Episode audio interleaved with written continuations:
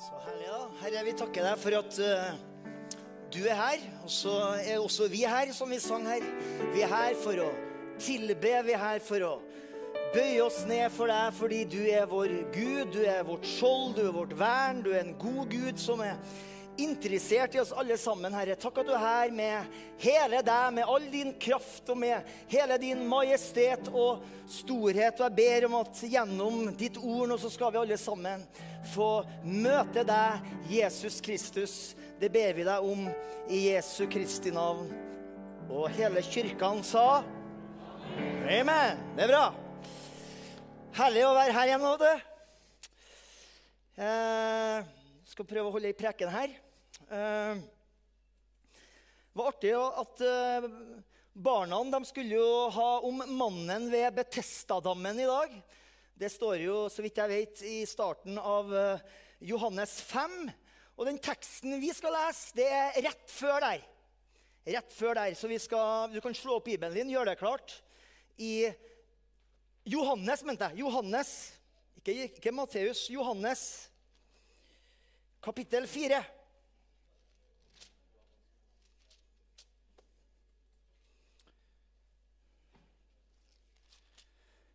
Det der er en tekst som er liksom Det her er avslutninga på det første året av Jesu offentlige tjeneste. Og Det er en eh, teolog som har eh, kalt denne eh, liksom, teksten for 'Fra Kana til Kana'. Og Det han mener da, er da fra Kana i Galilea, der han gjorde vann til vin, i kapittel 2. Og nå igjen da, til Kana i Galilea, hvor han med sitt ord bringer en gutt som er nær ved å dø, tilbake til livet igjen. Og så er det sånn at Jeg har aldri prek, prekt fra denne teksten før. Jeg har prekt fra mye tekster i Bibelen, men denne har jeg aldri prøvd meg på før. Jeg har, har preka en del prekter om kvinnen ved brøden, som kommer rett før. Og så har jeg også prekt eh, en del prekener om mannen ved Betestadammen, som kommer rett etterpå, men aldri denne teksten.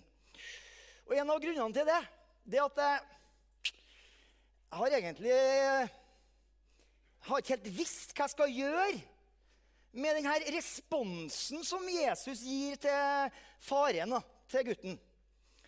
Eller for å være helt ærlig, jeg har ikke helt likt Jesu respons. Det er jo litt eh, hovmodig, da. Men nå tror jeg at jeg begynner å forstå hva som foregår der. Og det som foregår, det er noe godt. ok? Så det skal du få. Du skal få noe godt her nå. Vi skal lese fra Johannes 4, vers 43. Etter to dager dro han derfra og gikk til Galilea. For Jesus sjøl vitna at en profet ikke har noen ære på sitt eget hjemsted. Da han kom til Galilea, tok galileerne imot ham. De hadde sett alt det han gjorde i Jerusalem under høytida, da da også de hadde reist dit. Så kom Jesus igjen til Kana i Galilea, der han hadde gjort vann til vin. Der var det en kongelig tjenestemann med en sønn som lå syk i Kapernaum. Da han hørte at Jesus var kommet fra Judea til Galilea, gikk han til ham og ba han inntrengende om å komme ned og helbrede sønnen hans, for han var dødssyk. Da sa Jesus til ham, 'Hvis dere ikke ser tegn og under, vil dere slett ikke tro.' Den kongelige tjenestemannen sa til ham, 'Herre, kom ned før barnet mitt dør.' Jesus svarte ham, 'Gå hjem, din sønn lever.' Mannen trodde ordet som Jesus sa til ham, og gikk av sted. Underveis ble han møtt av tjenerne sine, og de sa til ham, 'Din sønn lever.' Da spurte han dem om hvilken time han var blitt bedre, og de svarte, 'I går, ved den sjuende time, forlot feberen.' Da visste faren at det var i samme time som Jesus sa til ham, 'Din sønn lever.' Og han sjøl trodde og det samme gjorde alt hans husfolk. Dette var det andre tegnet Jesus gjorde da han var kommet fra Judea til Galilea. Hellige Ånd, vi bare takker deg for at, uh, at du tok tak i apostelen Johannes, og så inspirerte du han til å skrive akkurat de her ordene. Og Så ber jeg om at du nå ved din nåde skal ta de her ordene og levendegjøre, for, uh, levendegjør dem for oss her og nå i dag. Hjelp oss til å forstå dem, og mer enn bare det, hjelp oss til å leve i virkeligheten av hva det her betyr. Vi ber om det i Jesu navn. Amen. Skal gi litt bakgrunnsinfo. Johannes kaller han eh, mannen her for en basilikos, står det på gresk. Og Det betyr en mann av kongen. Som da betyr at han eh, kan være et medlem av eh, Herodes' kongelige familie. Da snakker vi om Herodes Antipas. Han var fjerdingsfyrste, eller tetrark, som det står da, i Galilea. Og han regjerte på vegne av eh, keiser, keiseren i Roma. Men det er mer sannsynlig at mannen var i Herodes sin tjeneste. Kanskje i et slags lederskapsteam, et eller annet. Eller eh, det er jo sånn at Jesus, eh, Johannes skriver jo at han bodde i Kapernaum. Og Kapernaum det var en såkalt grenseby på denne tida. Så det var mange offisielle personer i kongens tjeneste som var stasjonert der. Men denne dagen var han i Kana, leser vi. Og så kommer da denne kongelige tjenestemannen til Jesus og så sier han, 'Kom ned og helbred sønnen min.' Kom ned, sin. Og jeg tror at jeg har eh, nevnt det før, men særlig Johannes, når han skriver, så er han veldig nøye med hvilke ord han bruker. Tjenestemannen ønsker at Jesus skal komme ned. Ikke bare komme, men å komme ned. Grunnen til det, det er at for å dra fra Kana, der Jesus er, og til Kapernaum, der den syke gutten er, så må du komme ned. Fordi Kana, da, som er ca. 30 km fra Kapernaum, ligger mye høyere enn Kapernaum. Og Johannes bruker dette uttrykket tre ganger i denne historien. Og den, der, den der lille detaljen gjør bibelteksten mer troverdig for meg. Og sånn er det egentlig gjennom hele Johannesevangeliet. Det er alltid sånne små detaljer som gjør at jeg skjønner at det her er skrevet av et øyenvitne. En som var til stede når det her skjedde. Og en annen detalj det er at jeg tror at Johannes han ønsker at vi skal se at den herre hendelsen som han kaller for den andre, det andre tegnet i Kana, er på en måte kobla til den første hendelsen i Kana, der Jesus gjorde vann til vin. Begge historiene blir fortalt i den samme ja, formen denne strukturen. Begge to starter med ei enkel bønn, en slags forespørsel som er født ut fra et virkelig menneskelig behov. I begge tilfellene så blir bønna besvart av Jesus på en litt sånn ja, krass måte. I den første historien så svarer Jesus, 'Kvinne, hva har du med mitt å gjøre?' Og I denne historien så svarer Jesus hvis dere ikke ser tegn og under, vil dere slett ikke tro. I begge historiene så ender Jesus opp med å gi en befaling som adresserer behovet. Eh, og, og han, altså han snakker til behovet. Og I begge historiene så skjer det et tegn, altså et mirakel. Og i begge historiene så skapes det tro. Så Johannes forteller disse historiene på på samme måte for å minne oss på at begge historiene åpenbarer den samme sannheten om Jesus. Nemlig at han har kommet til vår brutte verden for å bringe oss sin helhet. Eh, Johannes kaller det her med at Jesus gjorde vann til vin, det kaller han for det første tegnet. Eh, vi skal ikke eh, lansere så mange greske ord her, men ett til. Det ordet som eh, han oversetter med første, der er det greske ordet 'arke'. Og Det er jo det, det vi har ordet 'arketype' ifra. Ja, det betyr først i en rekke av etterfølgende hendelser, men den primære betydninga er at det er først, og det representerer alt som kommer etterpå. Altså Det er noe som kommer først, som er beskrivende for alt som kommer etterpå. Så historien hvor Jesus gjorde vann til vin, representerer og er beskrivende for hele Jesu tjeneste til verden. Hvor Jesus tar det gamle, og så gjør han det nytt. Hvor han tar tak i det som er døende, og så bringer han det til liv igjen.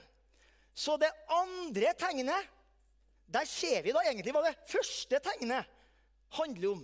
En ung, døende gutt ble brakt til livet igjen. Det siste tegnet i Johannes evangelium det er i kapittel 11, der Jesus eh, tar en, en, mann, Lasarus, og vekker han opp fra de døde. Så Jesus tar tak i det som er faktisk dødt, og bringer det tilbake til liv igjen. Det som slår meg når jeg leser vår historie i Johannes 4, det er det dette med kraften i Jesu ord det som Jesu ord er i stand til å utføre.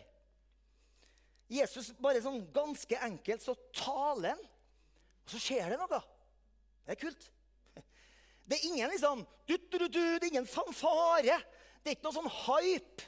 Det er ikke noe magi. Det, det, det, han henvender seg heller ikke til en høyere autoritet. Han bare taler. Så for meg er det nesten som et slags ekko fra første Mosebok, hvor Gud fra begynnelsen han talte universet til eksistens. Det blir lys, og så ble det lys. Det blir en hvelving, og så ble det en hvelving. Altså Jesus, han som er ordet, som var der helt fra begynnelsen, han taler, og så skjer det noe. Det der ser vi gjennom hele Johannesevangeliet. I kapittel 5 så sier han, 'Reis deg opp, ta senga di og gå.' Og mannen reiser seg og går. I Johannes 11 så ser vi at Jesus sier, 'Lasarus, kom ut!' Og så går Lasarus, spaserer ut av grava. Jesus som det evige ordet i kjøtt og blod trenger bare å tale. Og det han taler, det skjer. I vår historie så ser vi at Jesu ord også virker uten hensyn til distanse. Han er i Kana. Gutten som er syk, er i Kapernaum, ca. 30 km unna. Så leser vi her at ved den sjuende time i Kana, altså klokka 13.00, så sier Jesus, 'Gå hjem, din sønn lever'. Og da, ved den sjuende time i Kapernaum, 30 km unna, så lever gutten. Det er flott. Så distanse er på en måte ingen hindring for Gud og hans ord. Når Jesus taler, så skjer det han taler, uavhengig av distanse. Så min og din bønn bør jo være Jesus, tal ditt levende ord til meg og til oss i dag. Ok, Jeg tenker vi skal bruke litt tid her nå til å slåss litt med denne teksten. Er du klar? Bra. Og vi skal slåss med teksten ved å stille fem spørsmål. Så skal jeg svare, dem, jeg svare deg på de spørsmålene. ok? Spørsmål nummer én. Hvorfor nevnes det i innledninga av denne historien at en profet ikke har noe ære på sitt eget hjemsted? Vers 44 sier at uh, Jesus kommer til Galilea med akkurat det der i tankene sine. At en profet har ingen ære på sitt eget hjemsted. Hvorfor forteller Johannes det her rett før historien om tjenestemannen som kommer på vegne av sin sønn? Eh, jeg tenker at Først må vi forstå hva Jesus mener med sitt eget hjemsted. Hva er det for noe? Er det, er det Judea? Johannes forteller også at uh, han hadde uh, at, han, at han hadde forlatt Judea litt tidligere, og da var det veldig store kontroverser der. Og vi vet at det var der han ble født. Født i Betlehem i Judea. Jerusalem ligger også i det området. Eller er det Galilea, som også kan regnes som hans hjemsted? Nasaret, der han vokste opp. Det ligger i Galilea. Og hans første hovedkvarter var i Kapernaum, som også ligger i Galilea. Så de fleste liksom, eh, forskere mener at eh, han mener nok begge deler. Begge områdene. I Judea var det store kontroverser angående Jesus. Særlig etter at han hadde rensa tempelet og jaga dem ut derfra og tømt bord, øh, velta bordene. det er Jesus, vet du. Det var i kapittel 2. Eh, men, det var også, men det var ikke noe mye bedre i Galilea. På dette tidspunktet så hadde Jesus preka den berømte Nasaret-prekena si i Lukas 4, hvor han står fram i synagogen og sier 'Herrens ånd er over meg. Han har salva meg, salva meg til å forkynne evangeliet for de fattige.' 'Han har sendt meg for å forkynne at fanger skal få frihet', osv. Etter den prekena leser vi at det blir full oppstandelse i synagogen. Og de prøver å hive Jesus utfor et stup. Så jeg tror at Jesus refererer til både Judea og Galilea. I begge områdene så er på en måte han profeten som ikke får ære på sitt hjemsted. Ironien, da, det er at i Samaria, som han snakker om i det samme kapitlet, om kvinnen ved brønnen, som da ligger mellom Galilea og Judea, der får Jesus ære. Der alle disse utskuddene bodde. Der får han ære uten å gjøre et spektakulært under. Hvorfor ingen ære i Judea og Galilea? Jeg tenker at Det har noe med at han, han møter ikke forventningen som både er forma av datidens religiøse. Han gjør det motsatte. Han utfordrer dem. Det er ikke sånn at han ikke bare passer inn i den religiøse formen. Han bryter den aksepterte formen. Og det der bør fungere som en advarsel for oss, hvis jeg skal være litt streng. Det er ikke jeg så flink til. For det er så lett å skli inn i formen, hvor vi forventer at Jesus skal handle og tale på måter som passer med våre forventninger. Det er så lett å skli inn i formen hvor vi krever at Jesus skal være herre og frelser på en måte som passer med vår komfortsone. En profet uten ære på sitt hjemsted. Det står i vers 45 at galileerne tok imot ham, står det. Så det, det ser jo ut som da, da stemmer ikke helt. Men det du skal vite, det finnes to nyanser for det ordet her. Den ene handler om å ønske velkommen på en generell måte. Og Den andre nyansen handler om å behandle en som en ærbar gjest. Og det er sant at galileerne ønska han velkommen på en generell måte.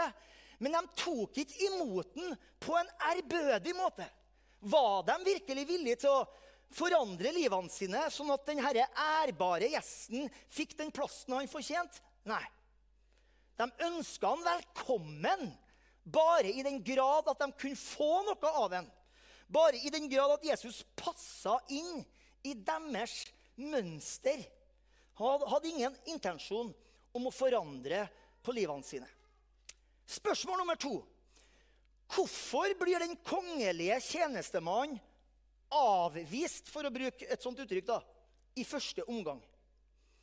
Hvorfor responderer Jesus på mannens krise med å si hvis dere ikke ser tegn under, vil dere slett ikke tro? Virker litt hardt, ikke det? Jeg tenker jo, Tjenestemann gjør jo bare det vi alle ville ha gjort. Jeg tenker, Sønnen er veldig syk. Og så har han da kanskje hørt hva Jesus har gjort i Jerusalem det har skapt håp og kanskje tro. Eh, så han går fra Kapernaum de 30 km til Kana for å finne denne mannen som skal være i stand til å gjøre noe. Og så er det første han får høre, at hvis dere ikke ser tegn vil dere slett ikke tro. Liksom, Right in your face. Hvorfor denne avvisninga? Eh, vi ser jo det i etterkant at han møter jo behovet etter hvert. Yes. Men hvorfor denne avvisninga i begynnelsen? Jeg tror at svaret er noe som ligner på det her. at Jeg tror at Jesus bringer denne mannen til det jeg vil kalle for autentisk tro. Ja, han bryr seg om tilstanden til denne gutten. Ingen tvil om det. Og han taler til det behovet etter hvert. Men han er i utgangspunktet mer opptatt av faren sin tilstand. Altså Han dealer med et større behov enn bare helbredelse. Og det er behovet for autentisk tro. Kanskje vi sitter og tenker ja, men er det ikke tro da at denne mannen kommer hele veien fra Kapernaum til Kana for å be om hjelp? Nei, det er ikke det. er ikke autentisk tro. Det er ikke frelsende tro. Hvorfor er det ikke det? Det er tydelig at Jesus mener egentlig at det er tro som bygger på å se tegn og under. Og hva er galt med det? Hva er galt med en tro bygd på å se tegn og under? Hvorfor er ikke det bra nok? Svaret er litt kryptisk. Jeg skal forklare det etter hvert. Jeg liker at du henger litt i løse lufta en stund. Det å se er ikke å tro. Det er bare å se. Tenk litt på den. Mange mennesker så miraklene som Jesus utførte i sin tjeneste i Galilea og i Judea, men de kom ikke til tro. For det å se er ikke å tro. Det er bare å se. Jesus gir f.eks. mat til 5000 med fem brød og to fisker. Noen av de 5000 følger etter til den andre sida av Galileasjøen. Jesus snur seg og sier til dem, 'Sannelig, sannelig, sier jeg dere, dere søker meg ikke.' Dere søker meg ikke fordi dere så tegn, men fordi dere spiste av brødene og ble mett. Altså, Ja, de så noe, og de opplevde noe, men det var ikke autentisk tro. For det å se er ikke å tro. Det er bare å se. Og hva er galt med det? Hva er galt med å komme til Jesus for å se hva han kan gjøre? Hvorfor er ikke det autentisk tro? Jeg tenker at Problemet er at tro basert på tegn og under, eller på hva som helst uten Jesus, da, blir veldig fort avhengig av tegn og under. Tro som sier 'jeg kommer fordi jeg ser', blir veldig fort til 'jeg vil ikke komme før jeg ser'. Tro som er basert på tegn og under, går veldig fort over til å kreve tegn og under. Og hvis tegn og under da uteblir, så går den troen videre for å lete etter en ny mirakelgjører. Det har vi sett mange ganger. Tro basert på tegn og under fortsetter ikke hvis den ikke fortsetter med å se tegn under. Henger du med? Bra. Men jeg tenker at det går enda dypere enn det. Tro som krever tegn og under, er en skjult måte å spille Gud på. Det å prøve å skape Gud i vårt bilde. Det å lage forutsetninger som forteller Gud hvordan han skal være Gud. Da er ikke troen en respons til Gud for hvordan han er, men en slags projeksjon av den Gud som vi forestiller oss at han skal være. En slik tro krever at Gud skal være Gud på mine premisser. Og siden Gud aldri vil respondere på det kravet, så vil en sånn tro alltid bli skuffa og forsvinne etter hvert. Ikke bare det. En sånn tro kan ende opp med å bli fiendtlig. For de samme folkene som ville gjøre Jesus til konge etter at han ga mat til 5000, var de samme folkene som ropte 'korsfest'. Korsfest. Ikke misforstå meg her nå. Det er ikke noe galt med tegn og under. Jeg vil ha mye mer av det. Mye mer. Det vet dere. Poenget er bare at at de tegnene har, til, har en hensikt til å peke utover seg sjøl og på selve personen Jesus. Ok? Hvis man da bare ser tegnene og ikke hva tegnene peker på, så blir det ikke til autentisk tro. Så det betyr at i Kana så avviser Jesus avviser ikke den kongelige tjenestemannen. Nei, nei, han gjør ikke det. Det Jesus gjør, er at han bringer mannen forbi hans ønske om å se et tegn, og han bringer ham til autentisk tro. Så ja, Jesus hører et rop fra en far som ber for sønnen sin.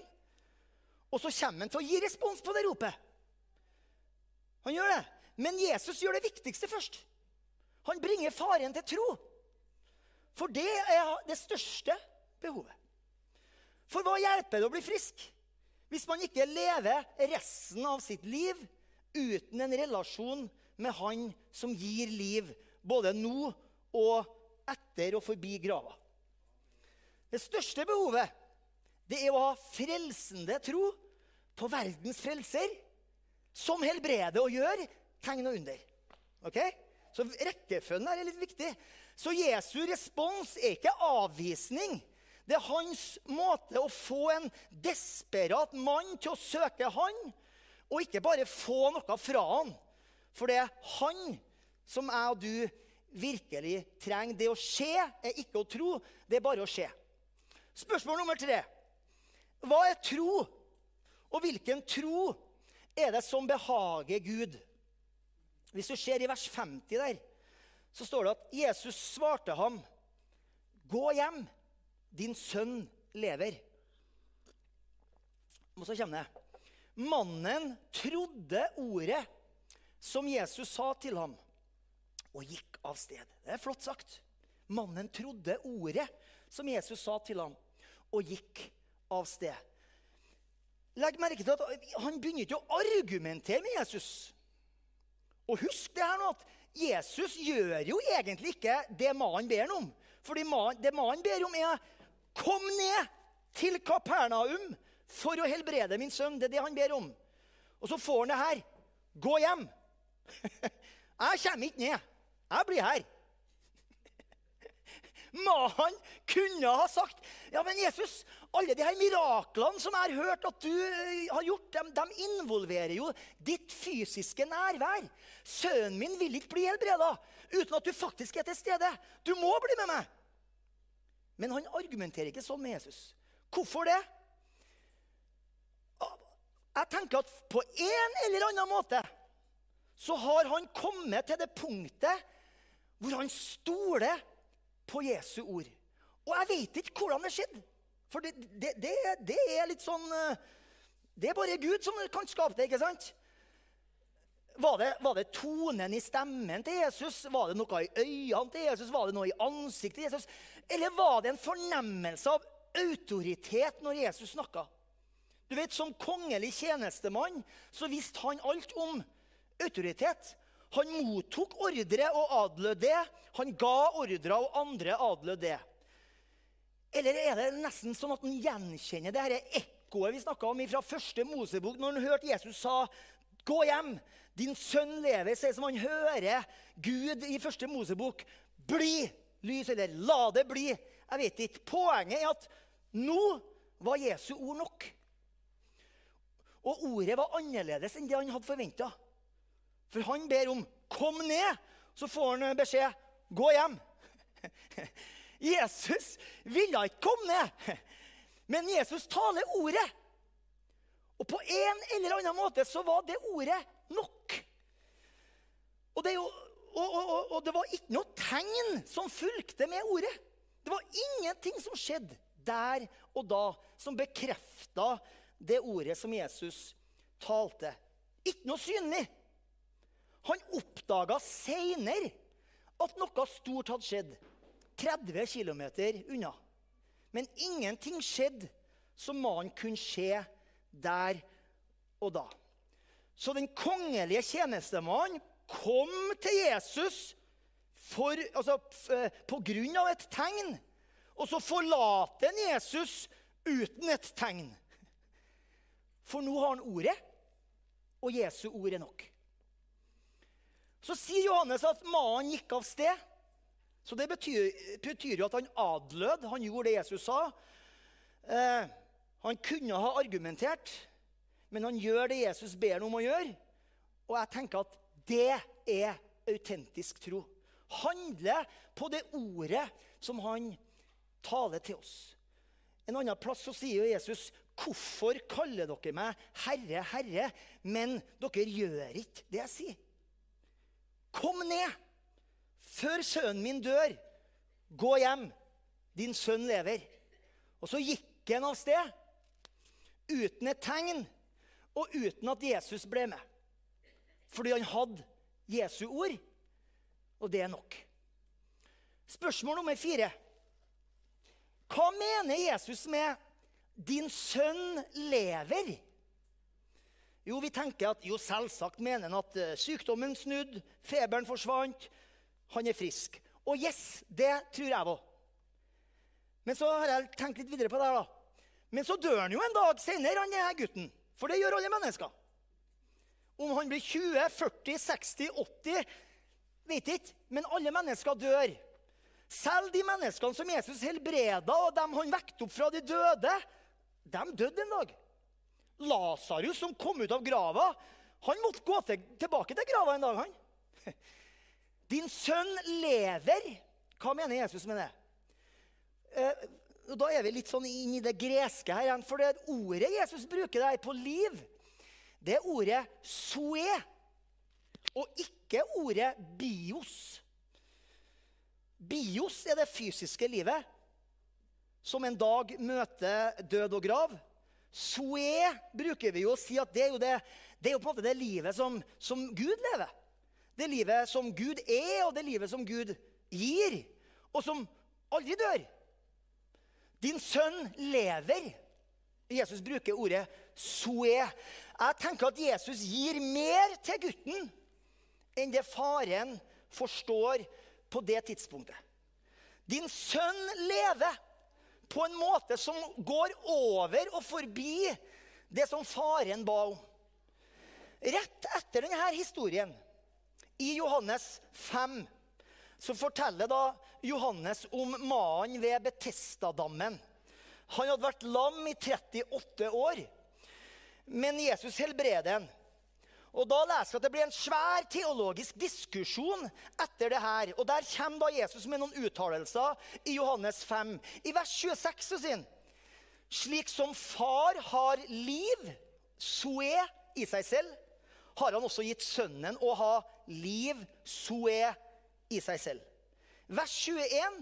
Slik far vekker opp de døde og gjør dem levende, soe, slik gjør også sønnen levende, soe, dem han vil.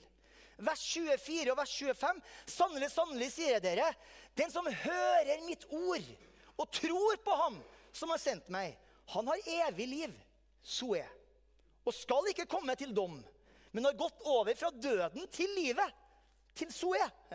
Sannelig, sannelig, sier jeg dere, den time kommer og er nå, da de døde skal høre Guds sønns røst. Og de som hører, skal leve. Altså skal få soe. Er ikke det det samme Jesus sier til den kongelige tjenestemannen den dagen? Guds sønn talte. For de skal høre Guds sønns røst. Guds sønn talte. Og av dette skapende, levende ordet så ga han Soe til en gutt 30 km unna.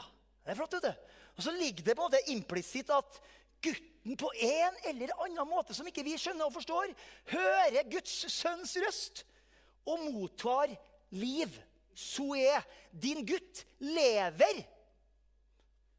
Det der var ikke faren forberedt på. Og Det er derfor Jesus også kan si utenfor grava hvor Lasarus ligger, så sier han den som tror på meg, skal leve. Så er, selv om han dør. Og hver den som lever og tror på meg, skal aldri dø. Lasarus kommer ut av grava, og så går han inn i grava igjen på et senere tidspunkt. Men han dør ikke. Altså I den store og, fulle forstanden. ikke sant? Din sønn lever, selv om han dør. Henger du med? Spørsmål nummer fem. Hvordan skal vi be? Hvordan skal vi be? Hvordan skal vi i lys av denne historien be for den brutte verden rundt oss? Jeg skal gi deg noen enkle punkter der. Sju. Har du tid av det? Nummer én. Reis deg og gå til Jesus. Det er enkelt. Reis deg og gå til Jesus så fort som mulig. 10, 20 eller 30 km. Gå til Jesus. Selv om du bare ser på han som en mirakelgjører, gå til Jesus. Det var det den mannen her gjorde. Nummer to be frimodig. Han sa, 'Kom ned!' Be frimodig, ikke hold noe igjen. Uttrykk, uttrykk ditt hjertes fulle behov. Nummer tre forvent at ting vil forandres i deg. I deg når du ber. Du skjønner, bønn vil forandre deg. For du vil oppdage at det du tror er ditt største behov, kanskje ikke er det. Du vet, Det er han som er herre. Og ingen kan fortelle han hvordan han skal styre det her universet. Det er litt viktig å forstå. Nummer fire Hør på den side. Fordi han vil tale. Det har han lovt. Det har han lovt. Han bryr seg. Han vil tale sitt ord. Og det ordet vil gjøre at du skifter fokus fra deg sjøl og på han. Og det femte stol på det ordet. Uten et tegn. For han er god. Og det sjette gjør det han ber deg om å gjøre. Sjøl om det er helt annerledes enn det du har forventa. Og nummer sju overlate til han. Overlate til han. Stol på Guds suverene godhet. Overgi, til, overgi kontrollen til han som gir liv. Din sønn lever nå men enda viktigere i all evighet. Det er flott. Lovsangerne kan komme opp, og så skal vi gå mot avslutninga. Du vet, Jeg tror at Jesus er her. vet du. Det er herlig. Han vi leser om i denne boka, her, han er her. Og Hvordan vet jeg det? Er det fordi at jeg først og fremst ser et tegn? Nei. Det er fordi jeg har hans ord. Og Han sa jo det. Det er et kjent bibelvers som vi alle kan, at det er to og tre samla i Jesu navn. Der er jeg midt iblant dem. Så Derfor så er Jesus her. Og da kan det skje tegn og under. Og det største tegnet, det største underet, det er å ta imot det livet som bare Gud kan gi. Så hvis du er her i formiddag, eller du følger med oss på YouTube og du vet at du aldri har bedt Gud om å få del av det livet som, som bare han kan gi. Du kjenner ikke Jesus som din herre og som din frelser. Men i dag så har han talt sitt ord, og så ønsker du å starte på en vandring sammen med Jesus. Da vil jeg gjerne hjelpe deg med å starte på den vandringen. Og så kan vi, for å, det, for å hjelpe hverandre, så skal vi alle sammen bare be ei enkel bønn sammen skal vi reise oss opp. Så bare ber du denne enkle bønna, vet du. Og så er du med, du òg. Himmelske Far. Jeg kommer til deg. Takk for at du tar imot meg. Jeg tror at Jesus døde for min synd. Og jeg tror at Gud reiste Jesus opp fra de døde. Og at han lever i dag. Kom inn i mitt liv. Vær min frelser og herre. I Jesu Kristi navn. Amen. Gud velsigne deg. Hvis du ba den bønna for første gang, så eh, kom gjerne og ta kontakt med oss. Her i Betel er du alltid velkommen. Gud velsigne deg.